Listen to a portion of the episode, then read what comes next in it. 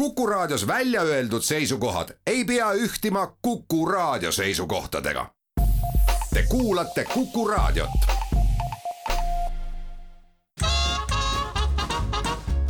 jäljed gloobusel tere, kallid kuulajad, me taaskord on mikrofoni taha maha istunud Väino Laisaar ja Andres Karu ja tervitavad teid saatest Jäljak gloobusel. Suur tere ka minu poolt. ega me ei hakka siin pirtsutama, et ja siin kerima kuidagi jutu otsa, et millest me täna räägime, sest see sai eelmise saate lõpus ilusti välja öeldud. Saudi Araabia on piisavalt suur riik, et sellest ühe saatega küll jagu ei saa nii-öelda, isegi kui mõlemad me oleme seal ainult ühe korra käinud ja mitte eriti ammu Väints jaanuaris ja mina novembris käisime seal. Ja muljed üsna värsked ja me jõudsime eelmine kord ära rääkida äh, riiki saamised ja natukene pealinna ja natukene Dakari ralli jutte, aga tuletame rahvale siis kõigepealt meelde ka, et et mis need miljonid ruutkilomeetrid ja miljonid inimeste arvud seal äh, kohapeal üldse olid ja mitmes riik ta kellega võrreldes on ja tegemist siis ikkagi hiigelsuure eh, riigiga ja maailma mõistes kaheteistkümnendal eh, kohal ja Araabia maid, kui hakata võrdlema, siis eh, Alžeeria järel teine. noh, Alžeeria muidugi ei ole küll sama poolsaare peal, on seal Põhja-Aafrikas, aga, aga Araabia maade lõikes läheb ta ikkagi Eh, igavesti ilusasti sisse. Eh, kaks koma üks miljonit ruutkilomeetrit on eh, riigi pindala ja seal elab kolmkümmend kaheksa miljonit inimest ja riik ise moodustati kahekümne kolmandal septembril tuhande üheksasaja kolmekümne teisel aastal. pealinn on Riad, raha nimi on riaal ja ühe euro eest saab neli koma null, neli koma null kaheksa seitse riaali mis siis tähendab seda, et noh, suures piiris, kui sinna satute, siis neljaga eh, teate arvestada, siis eh, ei saa kuskilt petta ja ega nad seal väga kipu väga petma ka. ja, ja mis on hea, on see, et kui satute seal autoga ringi sõitma, siis eh, kütus maksis vähemalt sellel hetkel, kui mina seal nüüd jaanuarikuus käisin, kuusteist senti liiter. nii on jah, ja, ja meie nagu noh, nii-öelda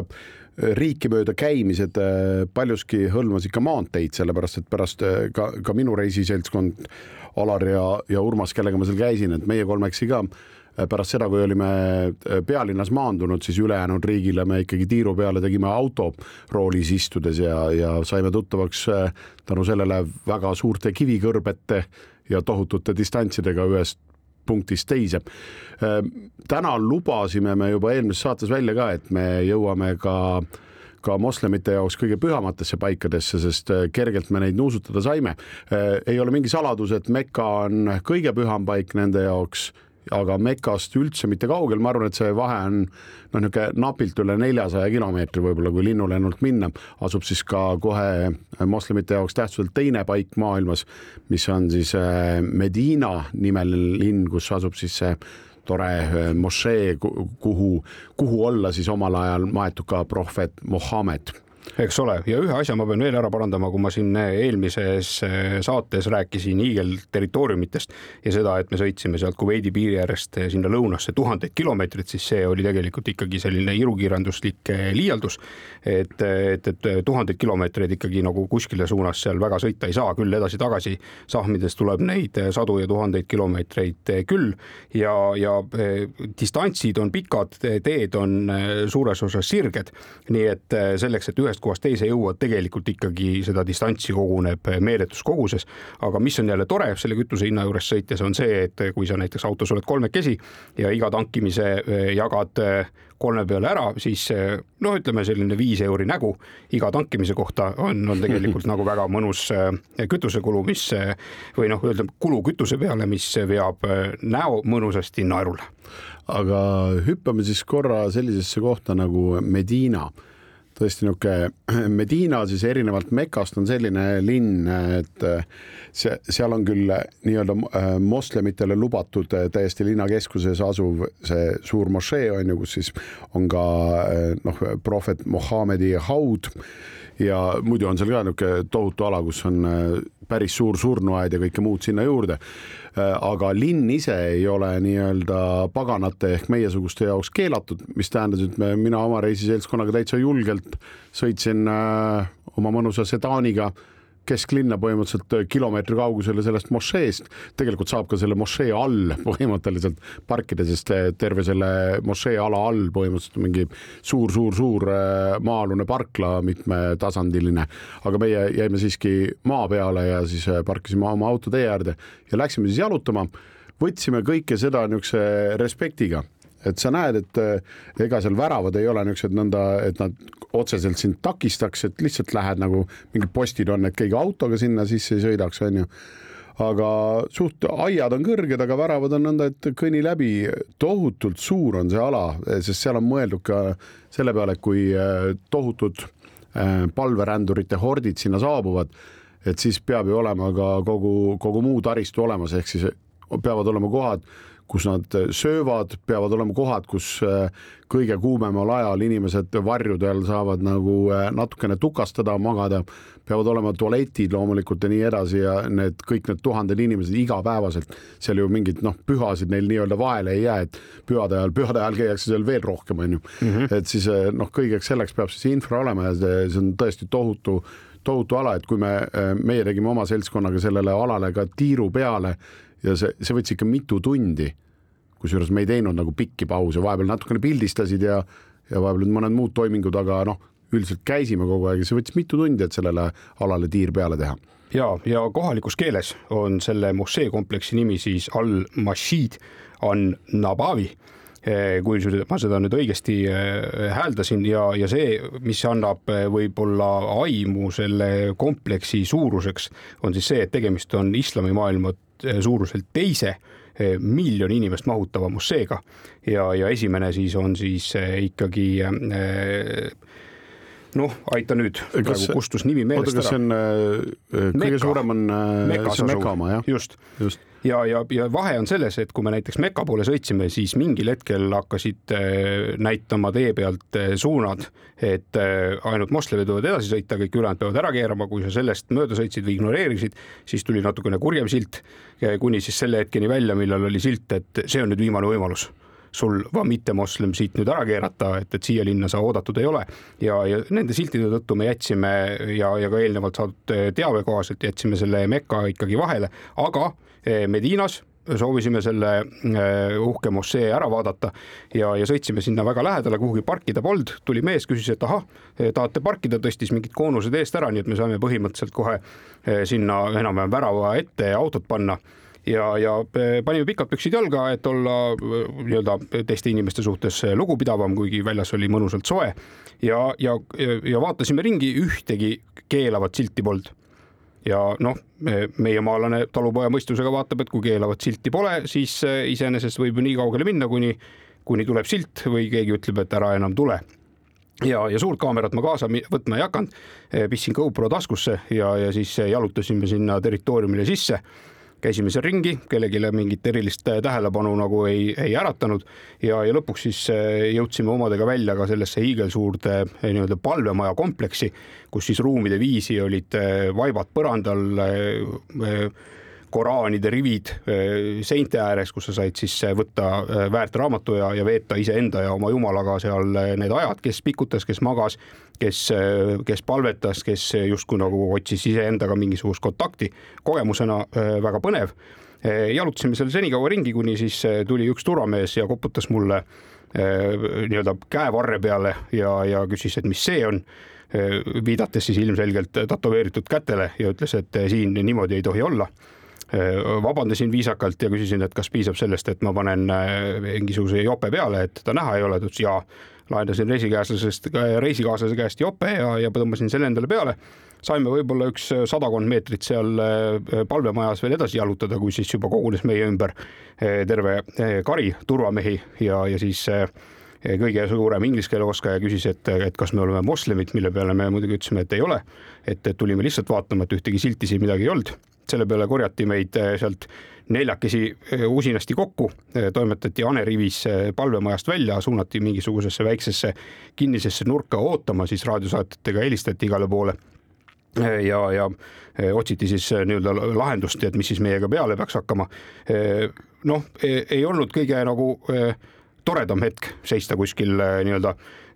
kuskil nurgas, kui turvamehed sinuga tegelevad, saades aru, et oleme teinud mingisuguse sellise pahaaimamatu pahateo osaliselt nagu endale teadmata aga, aga turvamehed olid sõbralikud, uurisid, kus me oleme, rääkisime, et käisime Dakaril ja, ja, ja Mekasse ei hakanud üldse minema. et, et seal olid keelumärgid ees, et siis tulime siia, et ikkagi saada see kogemus kätte, sihuke noh, hiigelsuur mošee üle vaadata ja, ja, ja, ja peale pikka helistamist ja, ja konsulteerimist siis öeldi, et selge, et, et kõik on teiega korras, et, et lihtsalt noh, et siia territooriumile tohivad ainult moslemid tulla ja, ja et, et me nüüd saadame teid lahkelt siit territooriumi pealt välja. jõudsime siis äh, lõpus Hanerivisse sinna väravasse, äh, tänasime üksteist, kummardasime, jäime elu lõpuni sõpradeks ja, ja, ja lahkusime territooriumilt, nii et, et, et seal õnnestus äh, sees ära käia, aga, aga noh, see lõppes ka nii, nagu see tegelikult lõppema pidigi, sest ega kui see ongi vaid moslemitele tehtud, siis, siis nii ta ongi. nii ongi jäljed gloobusel. Kuku kuulaja, paus on läbi, Karu ja Vents on mikrofonide juures tagasi ja seekord teeme jälgi gloobusel sellisesse põnevasse riiki nagu Saudi Araabiasse. ja enne kui me pausile läksime, eh, lõpetasime seal, et eh, olime sattunud kuidagi siis islami teiseks kõige pühamasse paika prohveti Mosseesse. karu oli eos juba jätnud väravast sisse minemata, aga, aga meie läksime riburada sealt sisse, kuni miks meid siis lõpus sealt kokku korjati ja jälle territooriumilt välja toimetati. ma pean muidugi eh, etteruttavalt ütlema, et mulle jättis kogu see kompleks hoolimata sellest, et ta oli nii hoomamatult eh, suur üsna sellise rahuliku ja tavalise mulje, et ma olen käinud ka varasemalt erinevates mošeedes, mis on olnud täis kõikvõimalikke pilte ja mošee või neid mosaiike ja, ja, ja kulda ja karda ja, ja mõnesse on üldse selline tunne, nagu oleks mingisse kalliskivisse jalutanud, siis see, vähemalt need osad, kuhu me jõudsime, enne kui meid sealt kokku korjati, tundusid hästi rahulikud, aga see inimpaabel, kes sinna kohale oli tulnud Eh, nii-öelda palverändurite näol oli äärmiselt mitmekülgne, et seal oli selgelt Aasiast eh, suured grupid, siis olid eh, neli toredat prouat Usbekist, olid kohe spetsiaalselt endale sellise palverändu, rännu Usbeki kirjaga õlakotid teinud ja, ja, ja noh, neid erinevaid rahvaid võis sellest. ja erinevaid nahatoone ka väga palju, sest Aafrika, Aafrikast pärit on ju päris mitu Aafrika riiki, kus ongi mustanahalised on üldse moslemi usku. nii et ka, ka neid oli seal näha jah, ja just see ongi niisugune jah, äh, täpselt see pilt tuli mulle ka silme ette, et sa kõnnid nagu, et saad aru, et kõik nad on moslemid, aga lihtsalt, et kui erinevad nad välja näevad ja kui, kui erinevalt julged nad on näiteks ka mingitel värvivalikutel ja see oli ka väga erinev, et mõned olid väga tagasihoidlikud, mõned just sellised nagu äh, välja pakuvad, pigem siis Aasia ja Aafrika omad olid nagu värvikülarsemad. mis mulle veel üllatusena tuli, oli see, et äh, see, millises osas äh, on siis naiste näod kaetud on ju, et ühest küljest usk peaks olema ühtne, juhendid peaks olema ühtsed, aga tõenäoliselt see siis oleneb sellest, et, et kui tugev on see usk sinu peres, milline on see usk, kui tugev on sinu abikaasas või, või noh, tõenäoliselt on see kuidagi ka mingite eh, riikide mm. hõimudena erinev, et, et näiteks kui seal niisama Saudi Araabias ringi käia, siis eh, seal oli eh, kuni selle hetkeni, millal siis eh, seal eh, mõnes eh, linnas olid naisterahvad täiesti lahtiste juustega käisid, on ju. samas seal kõrval tuleb jälle vastu selline, kellel on selline purka peas, millest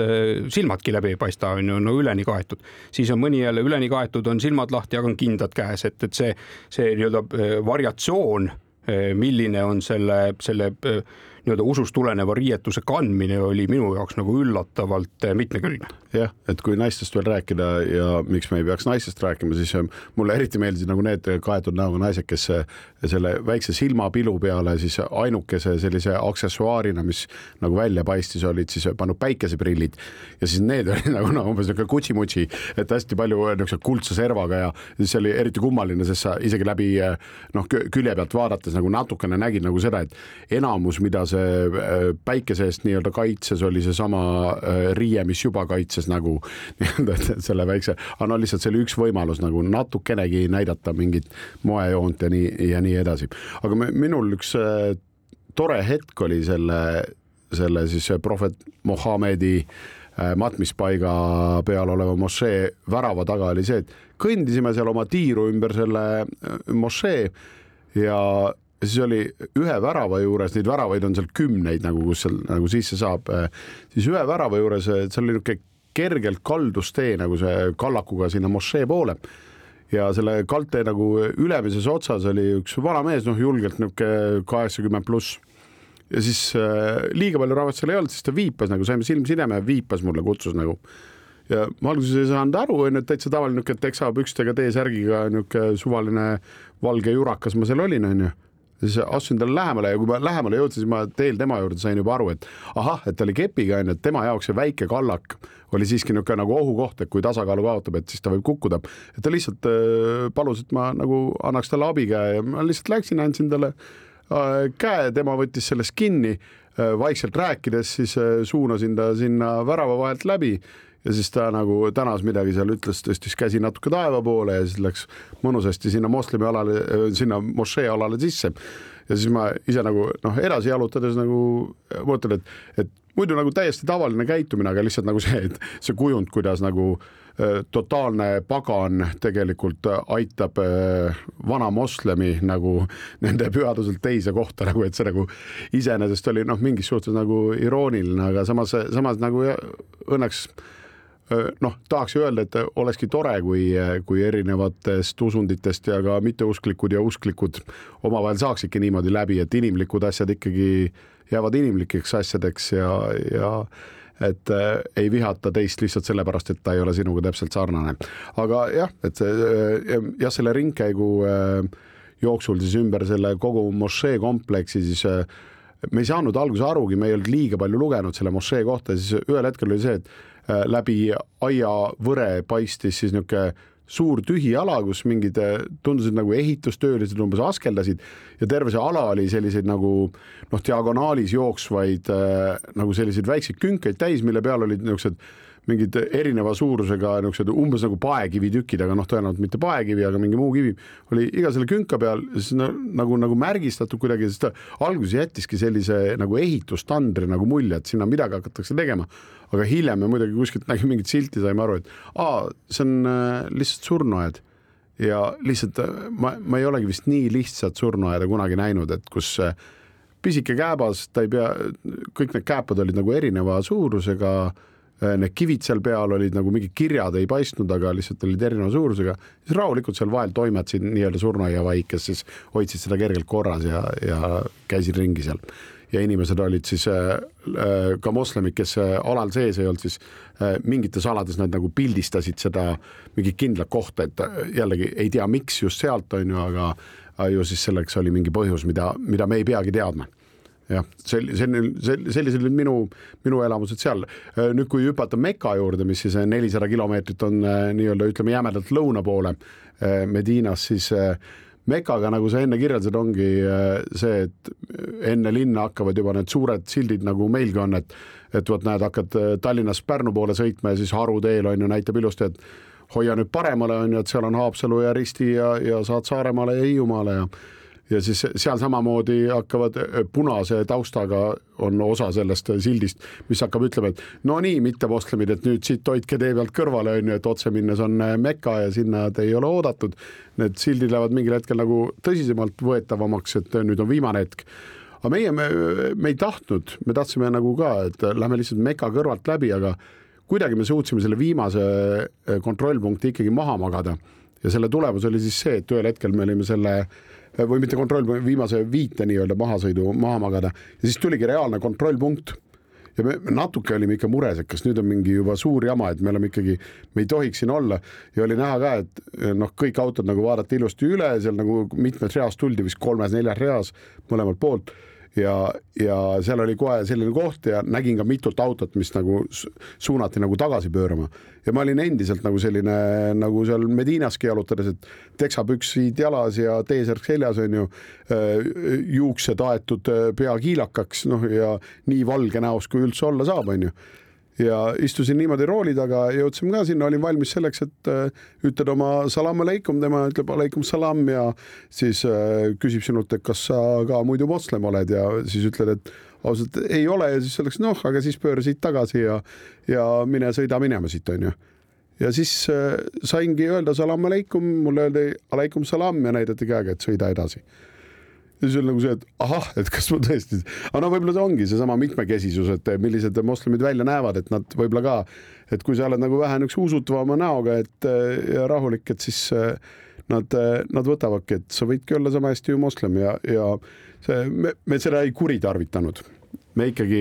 mõtlesime, et äh, igasuguste suuremate jamade vältimiseks ikkagi järgmisel võimalusel me hoidsime nii-öelda suurelt teelt paremale. Ja, aga me, me ikkagi nii-öelda Mekast äh, sõitsime läbi, mošeed muidugi ei näinud äh, äärelinnas suht ja paarkümmend kilomeetrit, siis paarikümne kilomeetri jagu me olime siis sellel nii-öelda keelatud alal sees. Ja lõpuks, kui me siis ütleme niimoodi Punase mere suunas sealt kuidagi nagu maha saime, siis, siis me tegime ka pausi ja siis pildistasime neid silte üles, kust me just tuleme ja kus me just olime. ja, ja väikse niisuguse värin sai alles siis läbi, kui me sellelt alalt ikkagi nagu väljas olime mm. -hmm. et see mälestus jäi mulle sealt. no sealt mere poole sõites jäi ette Jeddahi nimeline linn on ju, mis on äh, Saudi Araabia üks võib-olla üks kõige vabameelsemaid äh, linnasid ja, ja seal näiteks kohtas väga palju selliseid naisi, kes ilma igasuguse peakateta käisid ja mis mulle jäi Jeddahi juures meelde, oli see, et kogu sihuke nagu maailma rikkus oli sinna linna kogunenud, kui läbi linna sõitsid, siis eh, tee ääri ehtisid eh, seal eh, Ferrari, Aston Martini, Maserati sellised autopoed, siis oli Rolexi palee, Gucci palee, no mitte lihtsalt nagu kaubanduskeskuse aken, vaid sul ongi nagu reaalne selline suur palee ja, ja sinna on suured peale kirjutatud, on ju. et, et, et seal justkui seda raha oli igal pool ja keset linna oli siis veel sellise nii-öelda eh, vaatamisväärsusena välja pandud hiigelsuur purskkaev, mis, mis võib-olla niisuguse saja meetri kõrgusele eh, pressis pressis vett ja, ja loomulikult käis sellega kaasas ka, ka meeletu liiklusummik, nii et läbi selle linna sõitmine oli,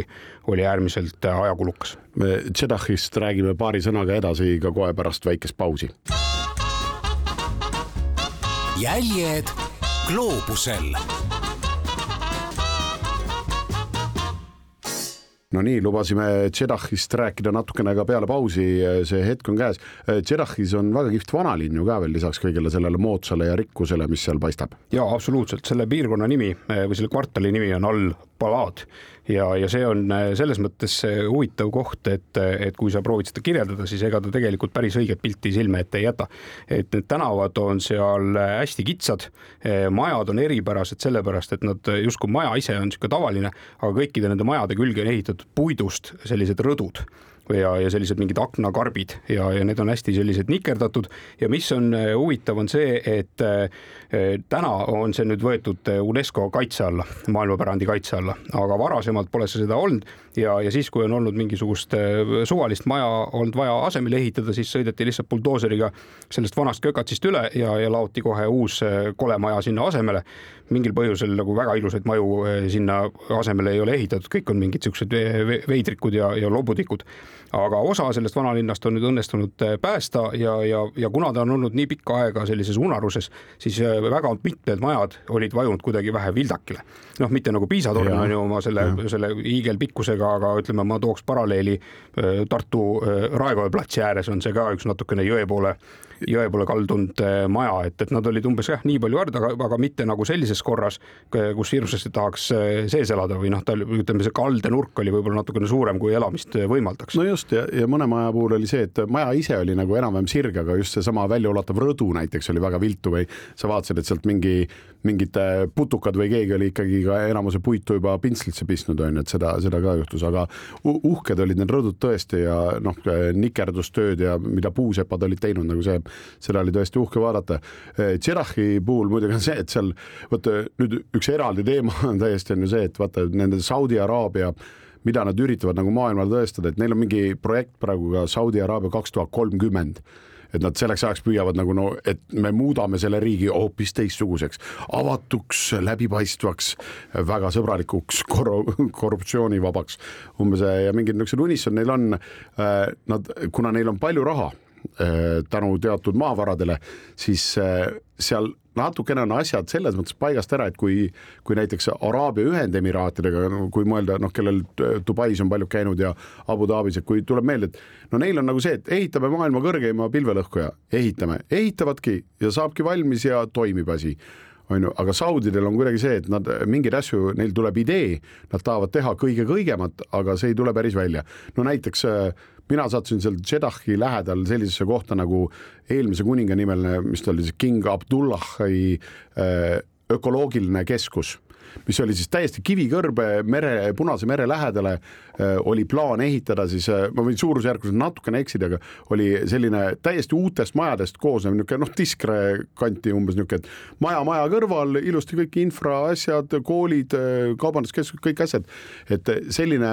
selline ala, kuhu kokku nad ootasid, et tuleb elama umbes neli miljonit inimest ja sellest viiendik on valmis ehitatud ja me ühe öö ööbisime seal, sest lihtsalt vaatasime booking ust, et kus võiks täna ööbida, siis pakkusid, et tulge sinna, et eh, noh, et on küll igaühel oma magamistuba. selgus, et kui kohale jõudsime ja sinna majja sisse läksime, siis noh, pigem oli see, et igaühel oli ka oma elutuba ja oma vannituba ja veel üks oma elutuba ja oleks veel saanud võtta kuusteist inimest magama ja igaüks oma tuppa onju, umbes selline maja. no veidi liialdan, aga küll jah, niisugune vähemalt kümne,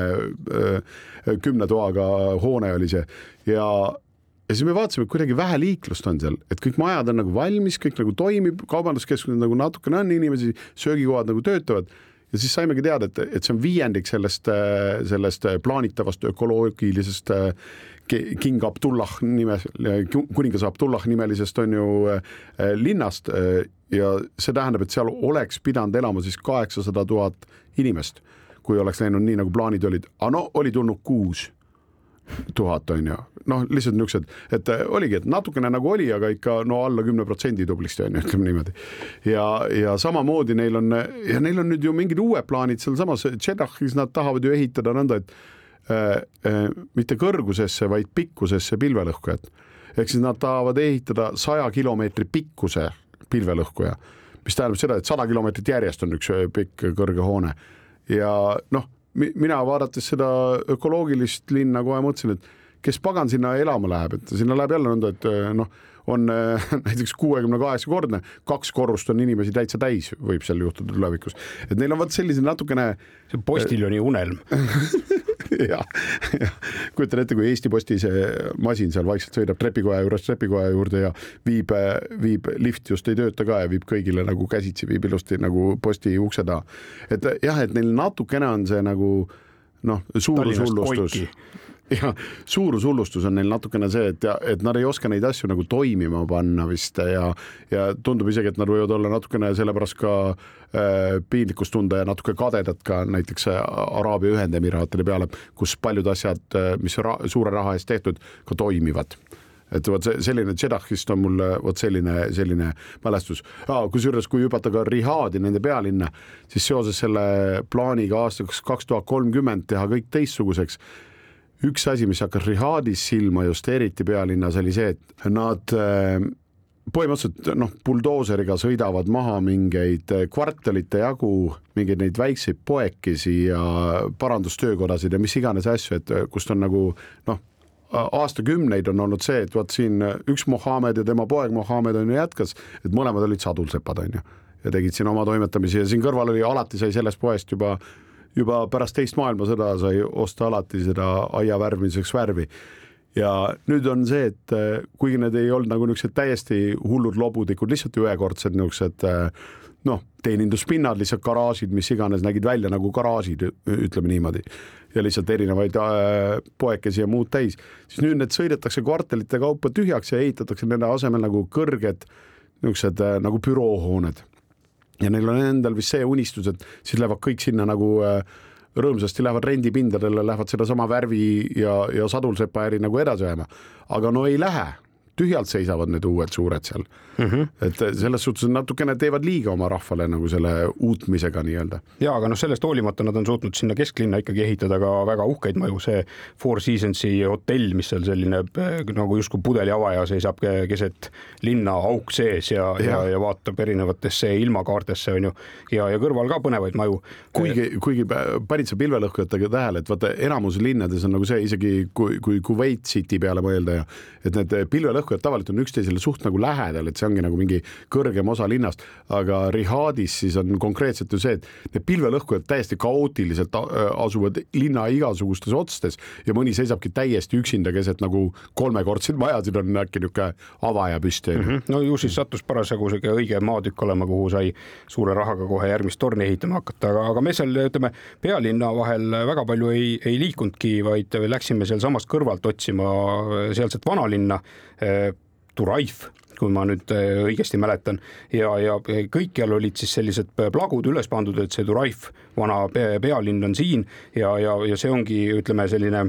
oli juba vanal ajal peetakse üheks olulisemaks poliitiliseks ja ajalooliseks paigaks Saudi Araabias ja, ja see olla siis olnud ka selline koht, kus siis äh, vanasti asunud pealinn ja kui me seda otsima sõitsime, siis need plagude vahel, teisel pool plagu toimus meeletu ehitustöö, et, et või noh, õigemini nagu lammutustöö, et seal olid need kivipurustusmasinad ja, ja mingid kopad ja siis meile kogu aeg jäi selline tunne, et Navi muudkui aga juhatas sinna territooriumile, kus see lõhkumine käis, et, et, et nüüd ei saanudki aru, et kas siis see vanalinn jäi kellelegi jalgu, et see nüüd tõmmatakse maha ja pildid on igaks juhuks üles pandud, et milline see oli, või siis seda vanalinna alles ehitatakse, on ju, ja, ja, ja tiirutasime, tiirutasime, kuni siis lõpuks leidsime mingisuguse sissepääsu sinna territooriumile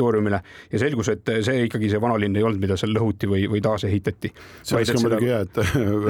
ehitati vanalinna. just ja, ja aga, aga sinna selle vanalinna ümber ehitati siis sellist moodsat hipsterlikku eh, kaubanduskvartalit ja, ja kaubanduskeskust, et selle tõttu oli kõik ülejäänud sealt maha lükatud. ja kui sa sealt sellest kaubandusaltarist ennast läbi murdsid, siis jõudsid eh, lõpuks sinna selle toreda eh, ütleme, selle kivisegu sõnniku õlgede eest tehtud vanalinna juurde ja, ja, ja plaanisime siis kohe seal väikse sellise kaamerasse väikse spiigi teha, mille peale tuli üks mees, kes ikutas varrukast, ütles, et kas te olete siin piletiga või keegi kutsus ja, ja kuna keegi meilt piletit ei küsinud, siis ma igaks juhuks ütlesin, et jah, et me oleme piletiga, et kutsega ei olnud. mees ütles, et ahah, et meil on siin selline reegel, et, et nagu kaamerasse võid nagu üldiselt sellest kohast rääkida, aga detaile ei tohi midagi rääkida, noh, ei, ei saanudki aru, mis detaile siis rääkida ei tohi ja noogutasime, et kõik on õige ja ja läksime sinna vanalinna, väga ägedad tänavad, kõik taastatud on ju ja, ja tehtud muuseumid sinna sisse. üdini uhke ja, ja, ja tore koht, no tasub minna, kes sinna kanti satub. Ja siis muidugi kütsin kaameraga seal katet võtta nendest vanadest müüridest, kuni siis tuli järgmine eh, turvatöötaja ja küsis, et no mis teed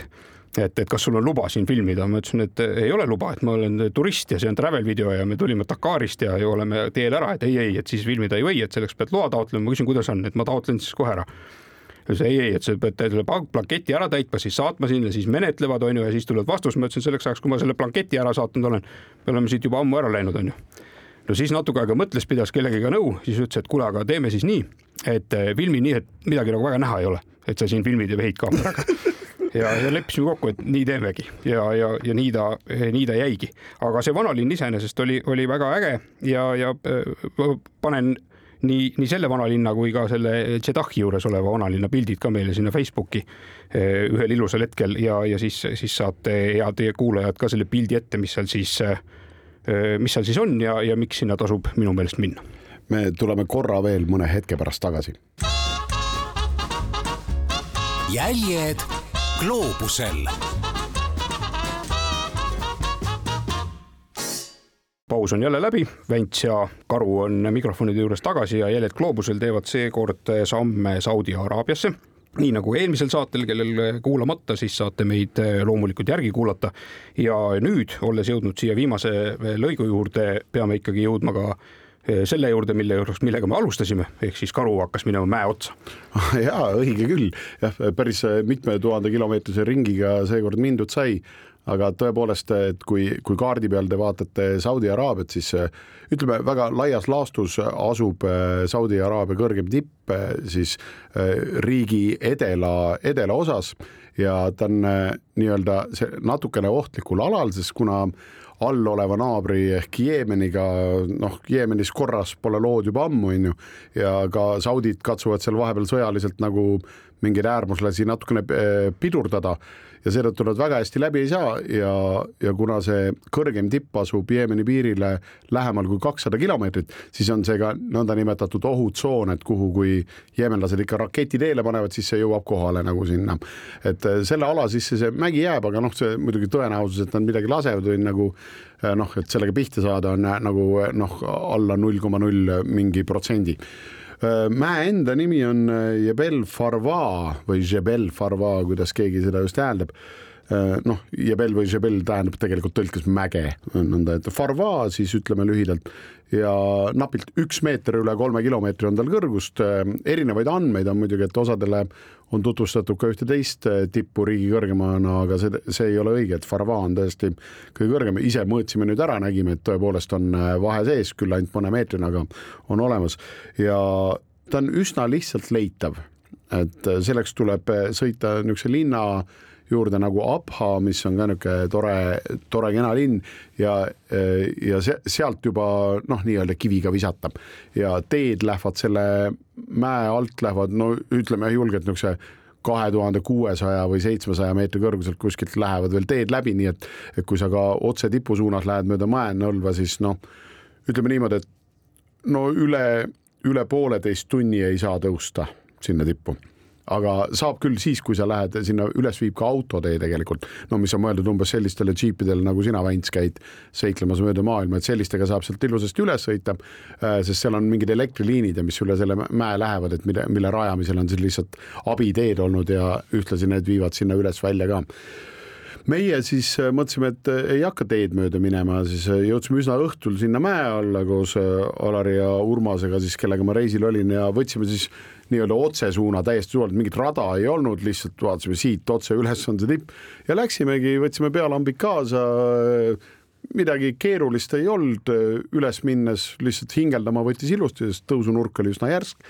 aga lõpuks me sinna üles tippu jõudsime, olime õnnelikud, tegime päikseloojangu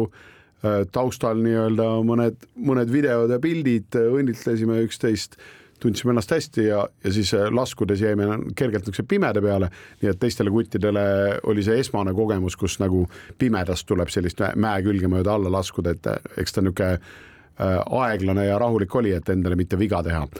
ja kuna see, kuna see, see tipputõus oli selline mitte liiga raske, siis meil kohe tekkis see tunne, et pagan, et tuleks homme uuesti. siis mõtlesime, okei okay,, et ärme lähmegi kaugele, sõitsime natukene eemale leidsime sellise põneva koha, kus oli ülisuur Saudi Araabia lipp väikse künka otsas äh, lehvis. Ja see küngas oli äh, sellistest suurtest kividest. Ja ma ei saanudki täpselt aru, et ta, ta ei olnud ikka päris nagu inime, inimese tehtud, aga küll oli tehtud see, et äh, mingid toredad inimesed olid iga selle suure kivi juurde, mis nagu kuhjas selle lipu all olid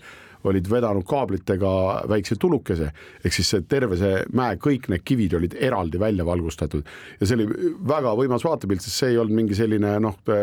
Musumägi Viru tänava alguses, vaid see oli ikka selline noh, millega võrrelda, noh, noh, päris kuutsekas ka ei olnud, aga noh, sinna vahepeale on ju, niisugune küngas lipp seal üleval ja, ja selle all oli silepind oli, oli äh, jalgpalliväljak mida eriti tihti ei kasutatud ja siis me, mina ütlesin, et kuule, et aga ööbimegi jalkaväljakul, et miks, miks mitte. ja nii me tegelikult tegimegi ja selle, selle öö nagu magamise järel siis järgmine päev me otsustasime, et me tõuseme tippu äh, mööda seda autoteed, et siis, äh, et saame teistsuguse kogemuse ka. ehk siis äh, järgmine hommik, kui me ärkasime, siis tuled olid kustu pandud, lipp endiselt lehvis ja jalkaplatsil ühtegi lastegruppi ei tulnud, istusime autosse ja sõitsime äh, siis selle mäe otsa viiva kruusatee, niisuguse räige kruusatee. selle algusesse jätsime auto sinna ja siis kõndisime natukene kauem aega kui eelmisel õhtul ja jõudsime teistkordselt siis äh, Farva tippu ja vaatasime natuke teise pilguga seal ringi. vot selline oli see tipputõus, aga pärast seda ma pean nii palju ütlema, et äh, seal samas lähedal see Akba linn oli minu jaoks kõige ilusam linn Saudi Araabias. ja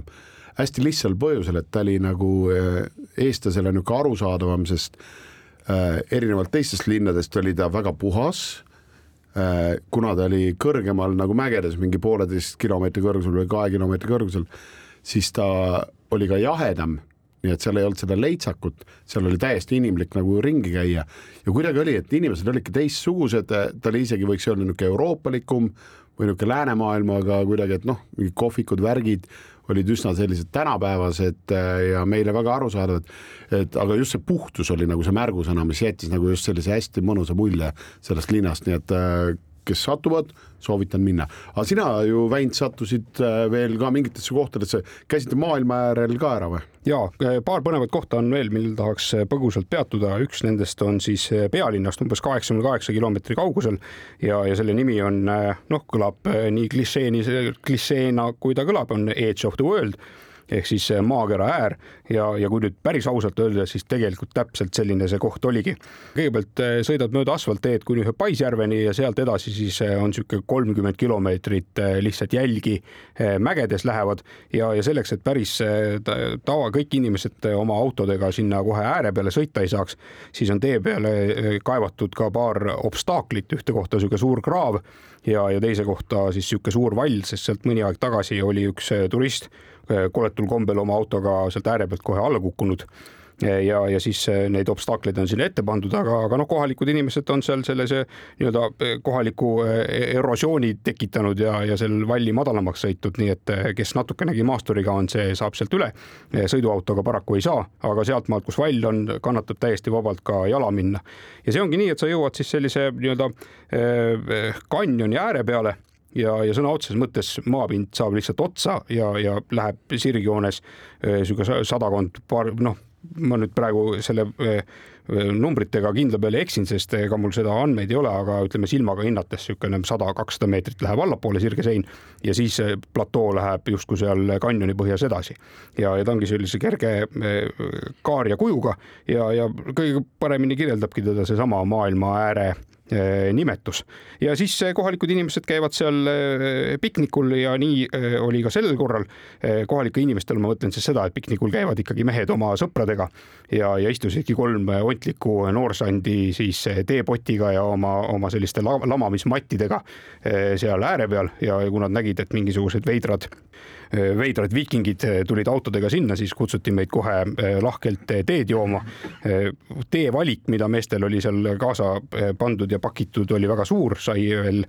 lisaks mingisugust kohvi maitsta ja, ja sai, need olid ka sellised inglise keelt rääkivad inimesed. nii et, et nendega me veetsime tegelikult päris pikka aega ja, ja uurisime elu kohta ja, ja uurisime nende tee joomise traditsioonide ja, ja üldse selle tee joomise ja, ja, ja piknikute pidamise kohta. me, mis on muidugi jah, huvitav on see, et kolm noorsandi võtavad kätte ja ja, sõidavad eh, kuristiku äärele eh, pikniku pidama. meie jaoks võib-olla nagu veidi veider mõelda, et, et niimoodi kolme sõbraga lähed ja istud seal teekannu taga ja, ja ajad mingisugust meeste juttu, et, et meie meie maalased vist on ikkagi harjunud pigem nagu kalli kaasaga kuhugi, kuhugi looduskaunisse kohta minema. või kellegi, kellest sa loodad, et temast saab sinu kallis kaasa kunagi. absoluutselt, no niisugust põhjaõnge sisse vedamas on ju. nojah, aga seal, seal kusjuures ma pean ütlema, et see, nad võtavadki selliseid raskusi ja neid kohti hoopis teistsugune, et see on võrreldav ongi mingi noh, ma ei tea, Gruusia mäega, et sa näed nagu pool päeva näed vaeva, et sinna üles jõuda mäe tippu ja siis seal on mingid vennad on vana Ishiga, on ju tsikliga siis mis teete siin? ai, me pole päris kaheksateist, et, ei taha isale vahele jääda, me peame suitsu tegema siia. siis ongi, nad käivad päevas nagu viis korda käivad seal tipus lihtsalt sellepärast, et tead, seal üks suits ja tsikliga sõidavad kuskilt üles ja sina oled mõelnud. isa silm ei seleta. just nimelt ja isa kõrv ei kuuleks. ja siis üks koht veel, kus me käisime, oli siis kirjade järgi maailma kõige suurem kaamliturg